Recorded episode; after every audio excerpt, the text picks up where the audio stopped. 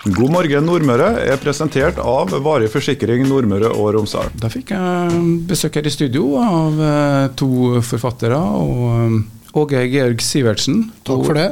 Du er med, og Aslak nord Nore. Hei til deg. Hyggelig å være her.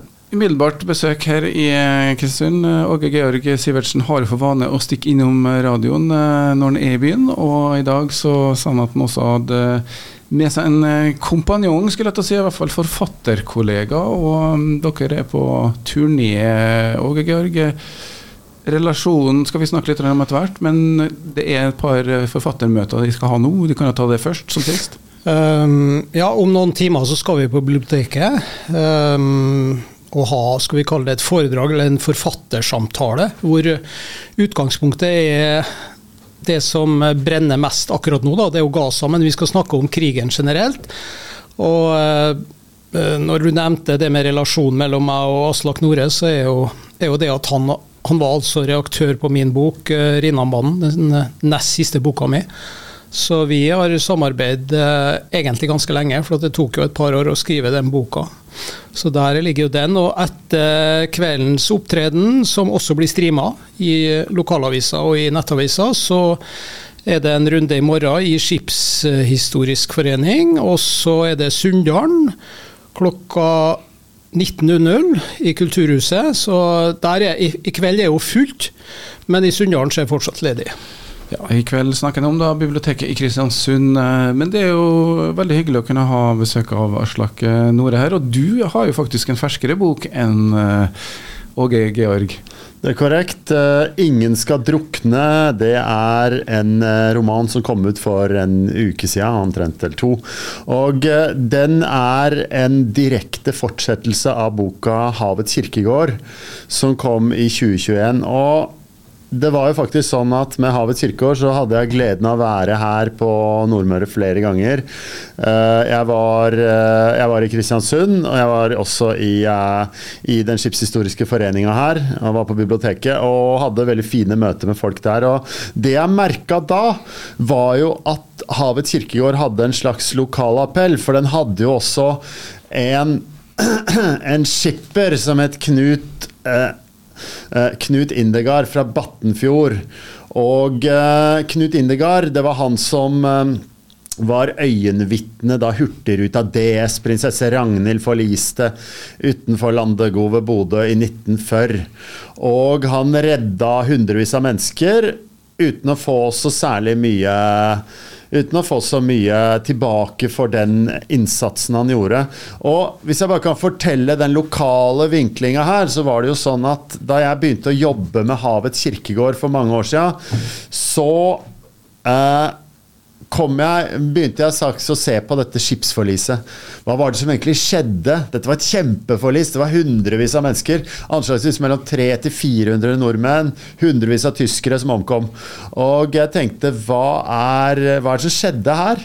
Og eh, gjennom disse undersøkelsene mine så kom jeg da over denne Knut Indegard fra Battenfjordøra. Eh, så viser det seg at før han døde på 80-tallet, så ga han et intervju der han fortalte om hva som hadde skjedd. Og dette intervjuet det befant seg i hende på Skipshistorisk forening her i byen, i Kristiansund. Så jeg kontakta da Jørgen Strand, som var primus motor for Den skipshistoriske foreninga, og spurte kunne jeg få høre på det. Og det var ikke nei i hans munn, kan jeg fortelle, så han sendte meg dette. Jeg hørte på det. Og da må vi si en ting, for det var nemlig sånn at den, i den grad det finnes en slags konsensus om hva som skjedde i dette forliset, så har det vært at skipet gikk på en mine. Eh, fordi Vestfjorden, der dette skjedde, var minelagt i 1940. Eh, men så spør jo da denne intervjueren skipper Knut Indegard hva var det som hendte? Hva var det som skjedde? Nei, så sier han det var ikke noe mine, vet du. Hvordan kan du si det? Det er jo åpenbart. Nei, jeg veit ikke hva en mine er. Hvordan kan du vite det? Jo, for jeg så på hølet på, på skroget. Og hølet, bula på hølet, vendte utover og ikke innover. Og da tenkte jeg sånn Her er det noe! Så det var jo eh, Vi kan snakke mer enn etterpå, men da var det jo eh, Det har vært en ekstra glede å være her. Det var langs hele kysten, egentlig, men kanskje særlig i, i, i området her. Og da vil jeg jo si at da jeg gjorde Jeg gjorde en eh, Kanskje det aller beste nesten bokbadet jeg noensinne har gjort, var på Vatnfjordøra i fjor. De var vant til at det kom to-tre stykker. Og dette er en bygd med 300, hvor mange er det? 370 innbyggere. Det kom 60. Ja, det er sjelden mellom hver gang det er noen store begivenheter. Vi skal si det sånn. Det blir litt mer enn det, men det er nå i hvert fall langt mellom folkene ute her. Og ingen tvil om at uh, historier om båter eller skip og krigen, det går rett hjem. Nettopp. og Nå snakka jeg meg litt bort om eh, Havets kirke, men jeg følte at det var en såpass god historie. For det saken er jo den at uh, det som egentlig er poenget med 'Ingen skal drukne', er jo at det er en direkte fortsettelse. Det betyr at vi følger fortsatt den familien. En litt sånn rik, stor, mektig familie. Med splid, med lojalitet, med kamp om arv og kamp om hvem som er den rettmessige eh, sjefen over denne familien. Og, men det jeg liker å gjøre, og det er der mitt samarbeid med folk som Åge og sånn kommer inn, er at jeg liker å blande inn litt historiske, dokumentariske elementer i alt dette tullet jeg driver og dikter opp. Og eh, en av de tingene som jeg gjør da, eh, er jo at 'Ingen skal drukne' så ser vi litt nærmere på eh, hva var egentlig som skjedde med disse redningsskøytene som gikk opp i Barentshavet under den kalde krigen. For det var nemlig sånn at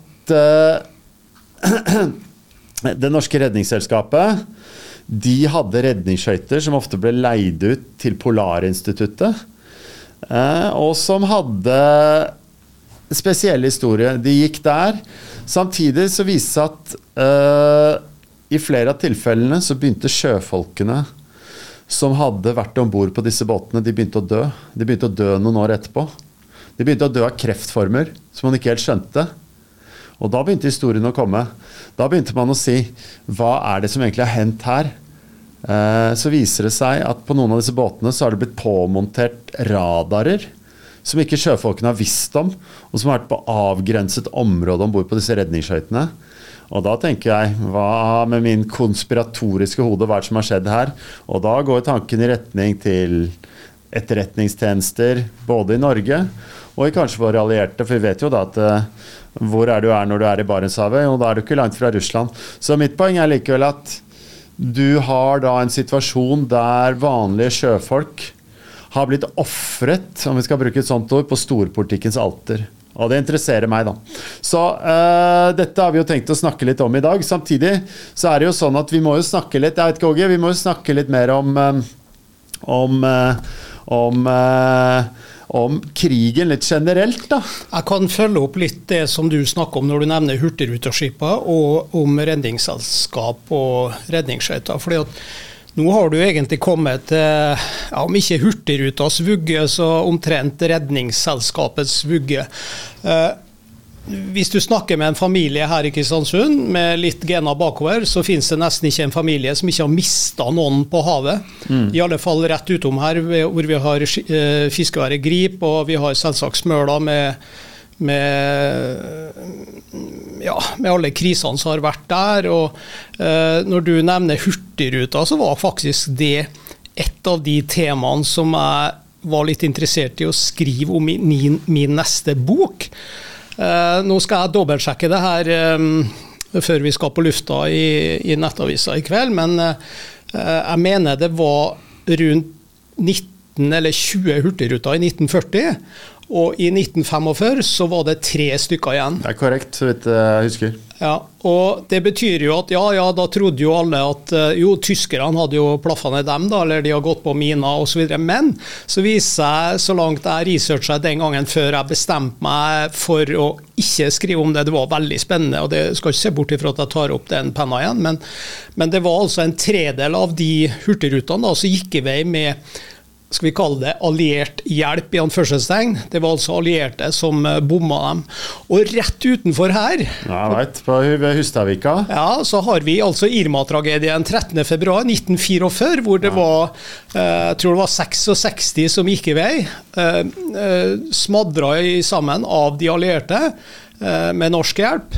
Og der har vi Jeg tror hun lever den dag i dag, altså hun dama der, eh, som eh, hun må være en 103-4 år nå, eh, for at hun ble sprengt ut av senga si.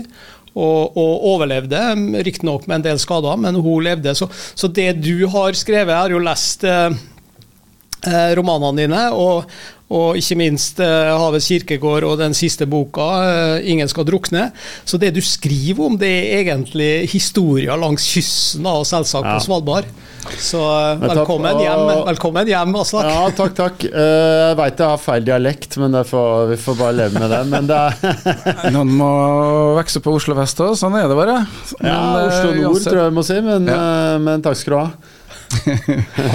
Ha den La meg bryte litt inn her. Dere er jo allerede i gang. Dere, Ja, vi, vi, du kan bare, Hvis du trenger å koke potetene, så kan du bare Men dere får i hvert fall eh, som hører på nå en litt følelse av hva som kommer til å være eh, dagens eh, dynamikk. da litt. Her er det bøker og erfaringer, og ikke minst krigen og historiene. Men, men de som hører på nå, altså det Jeg skal spille en liten låt òg, så du skal få høre noe okay. etterpå. vi får Ja. en liten pause der, da. Ta en liten låt her nå. Lyden av Nordmøre. KSU 247. Jeg har fått uh, spontant besøk i studio av Åge Åge Georg Sivertsen og Aslak uh, Nore. Forfattere begge to, eh, men for det er ikke sikkert alle vet hvem Aslak Nore er. Kan ikke du få eh, gi oss eh, introduksjonen, eh, Åge? Jeg innrømmer det at jeg er litt mer kjent enn Aslak akkurat her i byen, da. Men eh, nasjonalt sett, og faktisk internasjonalt, så er Aslak Nore en av de aller største forfatterne vi har. Eh, det skal legges til at han har vært eh, reaktør på min eh, siste bok, som var om Rinnanbanen, så jeg, jeg fikk kjennskap til den da. Men han er tidligere soldat i Bosnia. Han har vært krigskorrespondent eh, både i Midtøsten og i Afghanistan. Siste boka handler jo om eh, veldig mye om eh, nordområdene Svalbard, da, eh, konsentrater om, om Svalbard og forholdet til Russland. Han skriver eh, de siste to bøkene har vært eh, eh, veldig mye om eh, kysten og Hurtigruta og Redningsselskapet. Eh, og da må jeg jo legge til at eh, oi, oi, oi, Åge Sivertsen har altså solgt over 20 000 eksemplarer av Jeg skulle til å si det. Skulle til å si det. Jo, jo, jo, men du får ikke avbryte meg nå, fordi at eh, han karen som sitter på andre sida av bordet her, han har altså solgt tre ganger så mye av Havets kirkegård, og oversatt til 17 språk, og den nye boka 'Ingen skal drukne' oversatt til ti språk, osv. Så, videre. så andrefiolin, ja, Sivertsen. Ja, Du har også da en lang historie før du kom til den der fiksjonsbiten av livet ditt. Drevet med, vi kaller vel det egentlig dokumentarbøker. Ja, og du veit at eh, det at jeg var redaktøren til Åge eh, Egentlig, jeg har vært redaktør for mange, hatt gleden av å være redaktør for veldig mange flinke, hvorav Åge er en av de virkelig flinkeste. Og jeg stjeler som en ravn fra eh, forfatterne mine, så det er, det Har du stjålet? Ja, men altså virkelig, det har jeg gjort mange ganger før òg. Og, og vi har skrevet om krigen og sånn før. Det var jo særlig da jeg drev med det. Og da var det Så, så, så det må de bare forvente. Men eh, Åge hadde en veldig morsom samarbeid, altså. Fordi det er klart at Rinnanbanden er jo både et tema som engasjerer fremdeles den dag i dag, samtidig som eh, Og nøkkelen til suksessen til eh, Rindanbanden og Åge Sivertsen sin bok tror jeg ligger i blandingen av et tema som fortsatt mange har et forhold til, og grundig og god research og engasjerende og altså skrevet av ikke legger noe imellom og forteller hvordan dette var. Så det har vært en, eh, en sann svir, altså. Jeg kan jo spørre Aslak, fordi at Rinnamann den er liksom varm i trøya her i byen. og Vi hadde tre medlemmer som var fra Rinnamann, og det var Ja. jo årsaken til at jeg begynte å skrive den boka, som du vet. Men jeg merka jo ditt engasjement, da, og før eh, du begynte som reaktør for meg, så la seg tre av dine romaner Blant annet Ulvefellen og eh, Spionen En norsk i- spion. en norsk spion, ja. Og jeg ble jo superengasjert og så tenkte herregud, for et språk, og bra research og dokumentariske romaner, sånn som jeg så det. Men da må jeg spørre deg, hva var grunnen til at du ble så engasjert fra første stund i mitt manus om Rinnanbanen? Nei, det var vel fordi jeg så en mulighet der, da. Det er jo klart at det som eh, En blanding av at jeg syns temaet var spennende og interessant, og jeg hadde da vært gjennom mye som handla om mange av de store fortellingene om krigen. Jeg er redaktør for bok om tungtvannsaksjonen, jeg hadde jobba med bøker om jødenes skjebne i Norge, og så videre og så videre. Men også Rinnanbanden, da kjente jeg meg litt sånn Det hadde jeg ganske overfladisk kunnskap om. Og da tenkte jeg som så, igjen dette var også en mulighet for meg til å lære mer om det. Samtidig som selvfølgelig kremmeren i meg, og vi er vel ikke helt ukjente med kremmer her oppe, er vi det? Da er han så selvfølgelig at her lå det en mulighet til å selge fryktelig mange bøker. Og det morsomme da var jo at det klarte vi, for det er jo en annen side med Åge Georg her. Han er jo som en slags lekmannspredikant der han er rundt på kysten. Altså, det er jo når han kommer til Rørvik eller hvor han nå er, det er faen ikke tomt sete. Enormt med folk og vanvittig stemning. Så da tenkte jeg som så at uh, dette her, det kjente jeg var riktig å samarbeide med og jobbe med. Du bruker jo noe eh, fiksjon, eh, men regner med at det er litt fakta i det du holder på med også. Men ja. hvor går grensa egentlig? Nei, det der er jo litt skummelt, det der, vet du. Fordi jeg var jo, hvis jeg kan tillate meg å være litt indiskré her, så var jeg i Bergen for et par år siden da forrige boka var kommet. Og der heter jo familien i forrige boka etter Falk. Eh, og så dukker jeg på og Så er jeg på Litteraturhuset i Bergen, og så ser jeg at bakerst der så står en litt sånn type som han er en litt sånn kamelårsfrakk-type. Han ser ikke ut som når han går på vanlige bokarrangementer, for å være helt ærlig. Og så etterpå så kommer han bort til meg med et visittkort, og visitkort, på visittkortet står det Falk. eh, og litt sånn svært høflig, men samtidig du kjenner at sånn du kjenner, jeg kjenner en viss frykt. Og han sier sånn Ja, jeg heter Falk, og min far han heter Hans Falk, og det heter også en av de viktigste karakterene i min roman.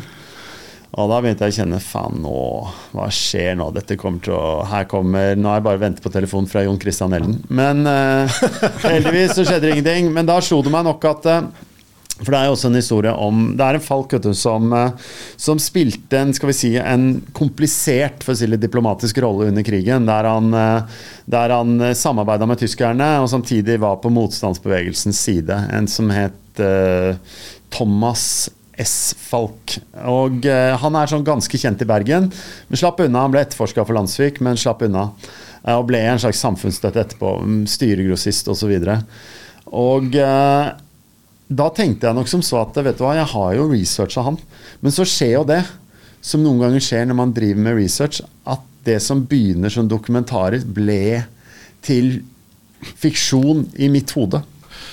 Høres ut som en fantastisk jobb for en konspirasjonsteoretiker. Ja, så så, men, uh, men ja. Ja da. Ja, men altså, det, det, er jo Fordelen med en, uh, en, fiksjon er jo at de sammenhengene som du kanskje ikke kan finne belegg for, dem kan du ja, det er riktig. det er riktig det, altså. Og man merker jo det at eh, hvis du har vært i media i Oslo og sånn noen år, så er det veldig, sånn, det er veldig ille ansett å hengi seg til konspirasjonsteorier. Men når du driver med fiksjon, så er det gitt da Ja, da må man jo kanskje undersøke de sammenhengene litt. Og noen ganger er det jo snakk om konspirasjoner, og noen ganger er det jo sanne. Mm. Men slett ikke alltid. Men, men, nei, så det der er eh, det der er eh, Det er interessant, men forholdet mellom fiksjon og virkelighet er eh, et evig komplisert tema. Men det vi prøvde med, med Åge Georg sin bok, var jo først og fremst at det er jo en dokumentarisk bok. Den skal være grundig researcha. Der kan det ikke være den type friheter som jeg tar meg når jeg skriver fiksjon. Men samtidig, det vi prøver å gjøre da, er å fortelle det på en mest mulig levende måte. Samtidig som det er dokumentarisk. Og da har man jo også faktisk en del midler til rådighet for å gjøre det. Og metoder. Og det var det vi jobba mye med. ikke sant? Det var Dramatisering litt... og fortellende journalistikk-biten. Ja, ja, de tingene der, da. Ja.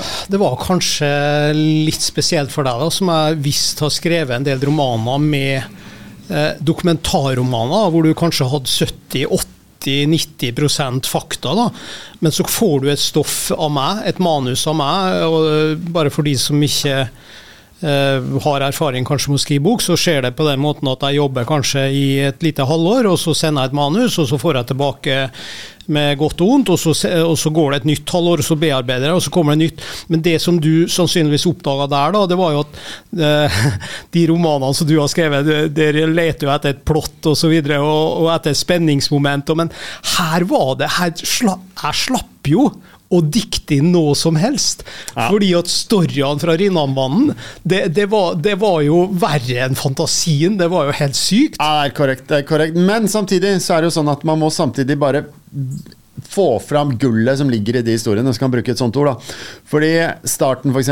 Åge har en veldig flott start. Hva heter han derre litt sånn alkoholiserte presten? Er det ikke det han er? Pastor Mo. Pastor Mo. Ja. Pastor Mo i starten. Og da er det jo sånn at, ikke sant, at da handla det rett og slett om å fortelle den historien. Så sier jeg til Åge, ikke røp alt med en gang. La det være gåtefullt. Hvem er disse folka? Disse som dukker opp med, med, med dekknavn, f.eks. Og så ser vi da at i slutten av den scenen, man kan røpe slutten av prologen, åpningen til Åge, da, så ser vi da at da dukker da, da er Rinnan hos den tyske føringsoffiseren sin i Trondheim og på en måte forteller det han har. ikke sant? Og Det er rett og slett en måte å jobbe på for å bare øke spenningen. da. Jeg kan jo si det til de redaktørene som hører på det programmet her, eller fordi forfatterne som hører på, eller de som vil bli forfattere, hvis de da sender et manus til en reaktør, så kan jeg si at min opplevelse altså Jeg kunne ikke skrive før jeg hadde utgitt en syv-åtte bøker. Og Så begynte jeg å, å, å, lære meg å skrive litt, og så fikk jeg en reaktør som het Hans Petter Bakketeig i, i, i KG Forlag. og så var det en slags aha-opplevelse for meg, for at jeg syntes han var så flink.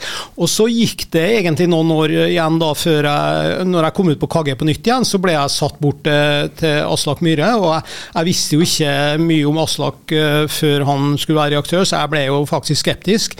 Uh, men men det jeg må si, da, det at det du nevnte nå med dramatiseringa, det var jo ah, Du sa til meg Nei, men OK, det her kan du ikke ha nå, vet du. Det her må jo komme på slutten. Mm. Og det her, det her, kan jo ikke komme på slutten. Det her må jo faktisk inn veldig tidlig. Mm. Altså, det har noe med oppbygginga av, av, hele dramaet, da. Og, og, og, og hvis jeg skrev om ja, Si at jeg skrev om kanskje 15 kapitler, da, eller storyer, så var jo i hver enkelt story så var det liksom sånn Ikke avslør det. Nei, men det må du ikke fortelle nå. Så det, det, det var en av de tingene som var eh, viktig egenskap som du har, da. Og dette er, helt, dette er klassisk. Dette er klassisk, dette går tusenvis av år tilbake i tid, hvordan man forteller. Dette har folk sittet og fortalt rundt leirbålet, altså. Så det er rett og slett sånn, det handler bare om å ekstrahere, altså trekke ut det som er bra, og så gjør det med små Mm, for det er jo litt lettere å huske historier når du har eh, Eller husk fakta hvis du har en god historie rundt. Men det der er jo interessant, for den der historien som jeg begynte med å fortelle her, om skipper Indegard i, eh, i, eh, og hans Det der Battenfjord uh, fraktskipet MK Battenfjord, som er ved nærheten av skipsforliset til Hurtigruta. Altså, den historien, og den historien om at, at, at bula på skroget vender utover, den har sittet mang en gang og fortalt til publikum. Ikke bare her, for her kan vi forvente at en del folk har et nært forhold til det. og sånn. Men jeg har fortalt den til folk i Frankrike, i mange forskjellige land. Og særlig i Frankrike. Jeg bor der og er mye, og er mye rundt på veien der. De sitter akkurat like interesserte. Og det viser litt Det handler bare om at uh, Det er jo selvfølgelig De har ikke den gjenkjennelseseffekten som folk har her. Men jeg håper jo det er en interessant og sterk story det som jeg kan legge til uh, rundt den storya, for at, uh, nå kan vi sikkert sitte her i flere timer, altså, men jeg må nødt til å legge til uh, at mange som sier det jo, andre verdenskrig, den må vi legge fra oss nå. Altså, nå er det snart 100 år siden, nå må vi legge fra oss det der. Men, men, men. Andre verdenskrig Arkivene, Landsvikarkivet, ble altså åpna i 2015. Og den historien som du forteller, Aslak, eh, i din siste roman, 'Ingen skal drukne', der har du jo Eller det var vel Havets eh, kirkeår, ja. Eh, hvor du forteller om en hurtigrutehistorie og det er jo pga. at du får tak i et arkiv da, som eh, ikke folk kjenner til. Og når du får tak i det arkivet og får høre den stemmen og får vite den fortellinga om at eh, nei, det var ikke mine fordi at eh, det sprengte utover istedenfor innover, ja vel. Det er jo nettopp Det er iallfall jeg som jobber med andre verdenskrig. Jeg kan, skrive, jeg kan skrive bøker helt sikkert så lenge jeg lever, hvis jeg orker, fordi at det kommer så mye nytt stoff. Og det, det, det gjør det faktisk nå, da. Ja, og, og der, vi, vi, Jeg vet ikke mye vi skal røpe av ditt nye prosjekt, men det blir jo, vi skal vel mot, vi skal vel mot oppgjøret etter krigen. Ja, altså Jeg skal skrive, eller jeg er i ferd med å skrive en bok om landssvikoppgjøret. Og det eh, Jeg tar ikke for mye når jeg sier det at det er det verste oppgjøret som har skjedd i Norge siden ja, det, det, det er bare hekseprosesser som kan måle seg med det. Da har vi satt standarden her. Det er ingen tvil om at det skal bli spennende å høre. Vi har jo eh, et eh, tema i dag som handler om krig og, og den biten. Eh, dere blir jo fylt hus rundt omkring her, hører jeg. Og ja, hvordan er det egentlig nå i disse tider? Jeg må si sånn at um, tekster, bøker, lesing Det er jo utfordra litt, uh, om jeg ikke kan si populariteten. Uh, merker dere noe til det? Er har fortsatt litt lesende folk. Jeg har aldri solgt så mye bøker eh, som nå, og eh, nå er også min bok kommet ut eh, både som pocket, eh, trykt opp på nytt igjen. Den ble jo solgt i 20 000 den første, det er noen hundre bøker. Eh, Den kom ut i pocket nå i 4000 eksemplarer. mm, 1200-1300 Nei. Gjennomsnittsalderen på foredragene er høy. Ja, jo, jo, det er det. Altså det, det er snakk om sånn, de er sånn rundt uh, 50-60. Men i de tilfellene jeg har yngre folk som hører på, jeg holder jo foredrag for ungdomsskoler og for videregående skole, og jeg, det er faktisk sånn også at det er, det er nesten mer spennende å snakke for de også enn de som kjenner litt historie. Men jeg også er jo Man er vel alle bekymra for eh, ungdommen og dens leseferdigheter osv. Men samtidig så ser vi som driver med bøker, da Vi ser at det er jo nesten du kan Hvis du har lyst til å gi noe av en slags type et, Skal vi kalle det et kulturelt produkt i gave, hva skal du gi, da? Du kan kanskje gå til en spesialbutikk og gi en LP-plate til de som er spesielt interessert i det, men de fleste har ikke platespilleren eh, framme lenger. Så da er jo, det viser seg at bøker er en veldig effektiv og fin gave. Det er også en ting som, eh, det er også en teknologi som faktisk er ganske bra. En papirbok. Sett bort fra at den tar mye plass og er ganske tung, så er den en ting som egner seg veldig bra å orientere seg i. Den er vel så bra som et lesebrett. Så det vi ser, er at eh, Altså, bokas Varselen om at bokas tid er omme, den har kommet mange ganger, og det har ikke vist seg ikke stemme. Så jeg også ser ganske lys på framtida, altså. Det er jo eh, kanskje bare rett og slett at det kommer tilbake når det blir overflod av teknologiske duppetitter. Men det er i hvert fall åpnet opp for um, da alle generasjoner, enn så lenge kun på Sunndal er er det ledige plasser. Uh, ja, der er ledig plass. Men Eh, eh, man kan streame det, selvfølgelig. Du sa det. Ikke, ikke på Sunnan kan man ikke streame, så der må man møte opp for å høre på oss. Eh, Jeg har jo vært noen gang på Sunndalsøra og holdt foredrag, og det har kommet veldig mye folk da. og Nå eh, får vi se hva som skjer. Johan Øyestad har jo lovt å legge inn bredsida. Og jeg kjenner jo noen, så jeg tror det helt sikkert kommer en fire-fem stykker å høre på. i hvert fall. Ikke verst, eh, bare det. Jeg sier bare lykke til, og folk og andre som ikke får med dere detaljene, det er jo bare å gå i bokhandelen. Der får de alle bøkene. Og hvis de dukker opp på noen av foredragene, så får de sikkert signert boka. Hør på God morgen Nordmøre hver dag fra sju til ni med Charles Williamsen. Lette nyheter, fine folk i studio og god musikk. Presentert av Varig forsikring Nordmøre og Romsdal.